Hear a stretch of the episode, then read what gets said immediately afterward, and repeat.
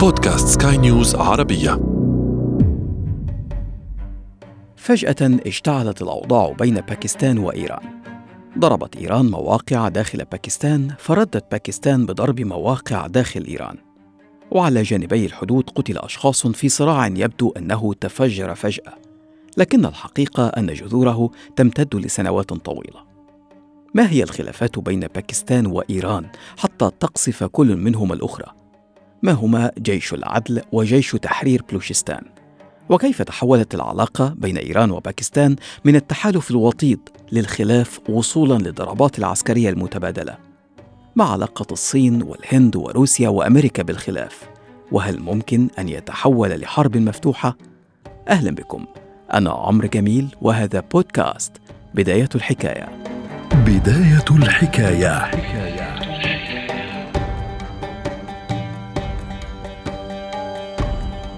في الحقيقة أنه خلال بحثي اكتشفت حجم التعقيد في موضوع العلاقات بين إيران وباكستان. أعلم أنكم تألفون هذه الكلمة علاقة معقدة. العلاقات الإنسانية معقدة فما بالك بالعلاقات الدولية؟ لكن فعلا العلاقات بين إيران وباكستان مرت بمراحل متباينة جدا وبتعقيدات كبيرة فعلا. كنت أتوقع أنها بدأت منطقيا مع استقلال باكستان عن الهند. لكن اتضح أن التعقيدات في المنطقة بدأت منذ نشأة إيران نفسها كدولة كما أطلعني الدكتور سمير تقي.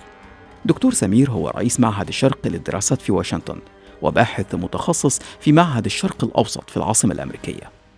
يعني الجذور الأعمق للخلاف تعود إلى المرحلة التي نشأت فيها الدولة الإيرانية، الدولة الإيرانية نشأت بنتيجة توحيد عدد من القوميات المتعددة يشكل فيها العرق الفارسي النسبة الأكبر ولكنه ليس الغالبية. لذلك هناك أقوام على طرفي الحدود عمليا هي في وضع لها امتدادات سواء في أفغانستان أو في إيران وهذه الامتدادات تختلط فيها الجوانب الدينية وأيضا الجوانب الطائفية أقصد يعني بمعنى شيعه وسنه وأيضا الجوانب القومية واللغوية، لذلك هذه القضية كانت قائمة منذ فترة طويلة وخاصة تبلورت القضية بعد استقلال باكستان عن الهند. بالأصل آه، كانت عمليا الحدود الإيرانية هي حدود مع آه، منطقة مفتوحة ولكنها بشكل أو بآخر تابعة للاحتلال البريطاني أثناء الانتداب وبشكل أو بآخر التناقضات انفجرت فيها في هذا الاتجاه. مع استقلال باكستان في سنة 47 بدأت مرحلة مهمة في العلاقات بين باكستان وإيران. يعني مثلا كانت إيران خلال فترة حكم الشاه أول دولة تعترف باستقلال باكستان عن الهند، وأول دولة تستضيف سفارة باكستانية. ثم خلال الحرب الباردة كانت إيران وباكستان حليفتين متناغمتين مع الولايات المتحدة، وكان الاثنان عضوين في حلف بغداد. وخلال حرب باكستان مع الهند في عامي 65 و 71 دعمت إيران باكستان بالسلاح والنفط. لكن هذه العلاقة القوية بدأت تتراجع بعد عام 71 مع التغيرات في المنطقة والعالم عموما. زادت عوائد النفط وانسحبت بريطانيا من شرق السويس فظهرت إيران كقوة إقليمية. في مقابل تراجع باكستان بسبب حربها مع الهند ثم انفصال بنغلاديش عنها. ثم حدثت نقطة التحول الكبرى مع الثورة الإيرانية في سنة 79 نستطيع أن نقول إنها بعثرة الأوراق لأن مواقف البلدين بدأت من حينها تتباعد شيئا فشيئا. يعني إيران عادت أمريكا منذ اليوم الأول للثورة في وقت كانت باكستان تتعاون مع الولايات المتحدة. إيران تبنت خطاب الدفاع عن الشيعة وسياسة المد الشيعي في العالم ومنهم الشيعة في باكستان. وهو أمر لم يعجب دوائر صنع القرار في باكستان. ثم بنهاية الحرب السوفيتية في أفغانستان وانسحاب السوفيت دعمت كل دولة فيهم جماعات مختلفة وزادت الخلافات أكبر لما دعمت باكستان حركة طالبان أحد أعداء إيران. بالإضافة لملف الخلاف حول التعامل مع الخليج خطاب إيراني عدائي نحو الخليج مقابل علاقات وثيقة بين باكستان والسعودية. كل ذلك انضم للمشكلة الأمنية الموجودة أصلا والمتمثلة في إقليم بلوشستان. وبلوشستان هو إقليم يقع بين ثلاث دول هي باكستان وإيران وأفغانستان. سكانه الأصليون من العرقية البلوشية ويتوزعون على الدول الثلاثة. وهذا الإقليم كما ذكرت لكم مقسم. في باكستان يعرف ببلوشستان الباكستاني وفي إيران يعرف بسيستان بلوشستان. وفي كل منطقة من المنطقتين تنشط جماعات مسلحة مناوئة للسلطة. يعني في داخل باكستان ينشط جيش تحرير بلوشستان منظمة انفصالية مسلحة تهدف لتأسيس دولة بلوشية وتشن هجمات ضد الجيش الباكستاني. وفي سيستان بلوشستان في إيران توجد جماعة جيش العدل. حركة سنية مسلحة مناهضة للحكومة الإيرانية وتقول إنها تدافع عن حقوق السنة في إيران. لكن لأن هذه المنطقة وعرة جدا جغرافيا يستخدمها المسلحون من الجانبين في التحرك بين البلدين بدون اعتبار للحدود.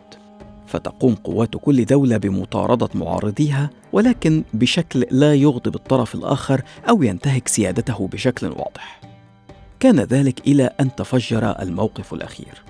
إيران قصفت أهدافا لجيش العدل داخل الأراضي الباكستانية فردت باكستان بضرب أهداف لجيش تحرير بلوشستان داخل إيران. وقد يكون السؤال المنطقي هنا لماذا الآن حدث هذا التصعيد؟ برغم وجود كل هذه الخلافات وهذه الجماعات منذ سنوات. عدت من جديد للدكتور سمير تقي. سؤال جميل. آه، في اعتقادي السبب الرئيسي هو آه، عمليا غياب آه، ضابط الصراع أقصد كان هناك الوجود الأمريكي عبارة عن وسيط قوة في أفغانستان يضبط جملة من الصراعات في وسط آسيا ونحن سنشاهدها حتما قيد الانفجار. لذلك وهذه المنطقة الآن تصبح موضع صراع استراتيجي دولي. لا أعتقد أن الصين تورطت فيه حتى الآن ولكن بلا شك أنه حول أفغانستان لدينا عدة حول باكستان أيضا لدينا عدة دول نووية. روسيا وهي الآن إيران تقترب آه، وهي أيضا الهند. اذا هنا هي منطقة جيوستراتيجيه هامة ولكن الأهم من ذلك أن وسط آسيا هو منطقة آه، تعتبر الآن منطقة تنافس وصراع وفراغ استراتيجي وفيها موارد آه، تقدر بأكثر من خمسة تريليون دولار سواء من النفط أو الغاز في تركمانستان، النفط في كازاخستان وفي غيرها وأيضا عدد هام من المعادن الثمينة والتي تعتبر استراتيجية الآن في تطور البشر، اذا هذه المنطقة يجب أن نتوقع بأن تصبح هي منطقة مفتوحة للصراعات الدولية وجزء من أسباب انسحاب الولايات المتحدة الأمريكية من أفغانستان يعود لأنها تدرك بأنها لم تعد تريد أن تصبح حكما فيها، هذا لا يعني أنها لا تريد أن تؤثر وأن تدير هذه الصراعات ولكنها لا تريد أن تكون موجودة، أن تكون موجودة فيزيائيا أقصد، ولكن بالمقابل من الواضح أن هذه المنطقة هي معرضة لأن تصبح منطقة مفتوحة للصراعات.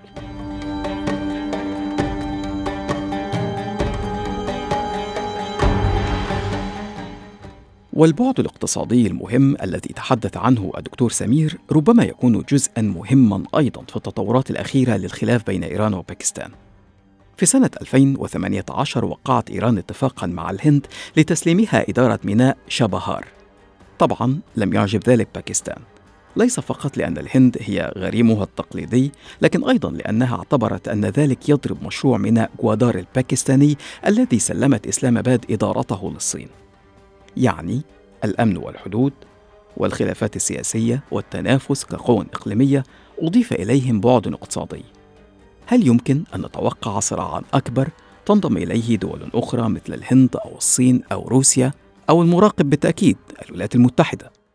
الحقيقة روسيا بالذات يتراجع قدرتها على أن تكون وسيط قوة في وسط آسيا خاصة بعد التطورات في كازاخستان والانقلاب الذي جرى وعمليا عدم قدرتها على تشكيل تحالف اقتصادي تنموي وتحالف استراتيجي في هذا السياق. وأيضا هناك ديناميات أخرى متعلقة بوسط آسيا وبالجمهوريات السوفيتية السابقة حيث تجري عمليات تبدل حتى في هوية المدن الروسية لأن ثمة هجرة صينيه بما انها كشرط الصين إلى العديد من هذه المناطق آه التي آه حتى يتبدل الطعام فيها وأسماء الشوارع والمدن.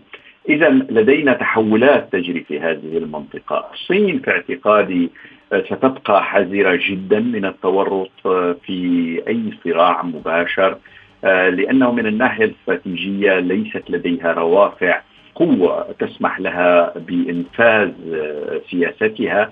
لذلك ستعتمد أكثر في رأيي على الدبلوماسية. ولكن كل هذه الصراعات يعني الصراع بين إيران وباكستان سيبقى محكوما بتوازن القوى بين الصين وروسيا. وهي الآن وهما دولتان الآن تسعيان للتوافق أكثر مما تسعيان ل آه، آه، يعني تفجير الصراعات على مناطق النفوذ.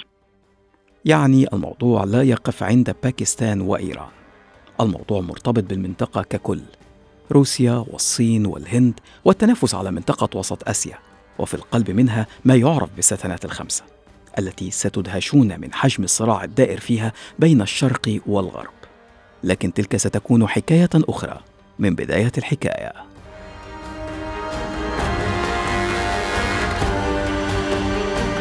بداية الحكاية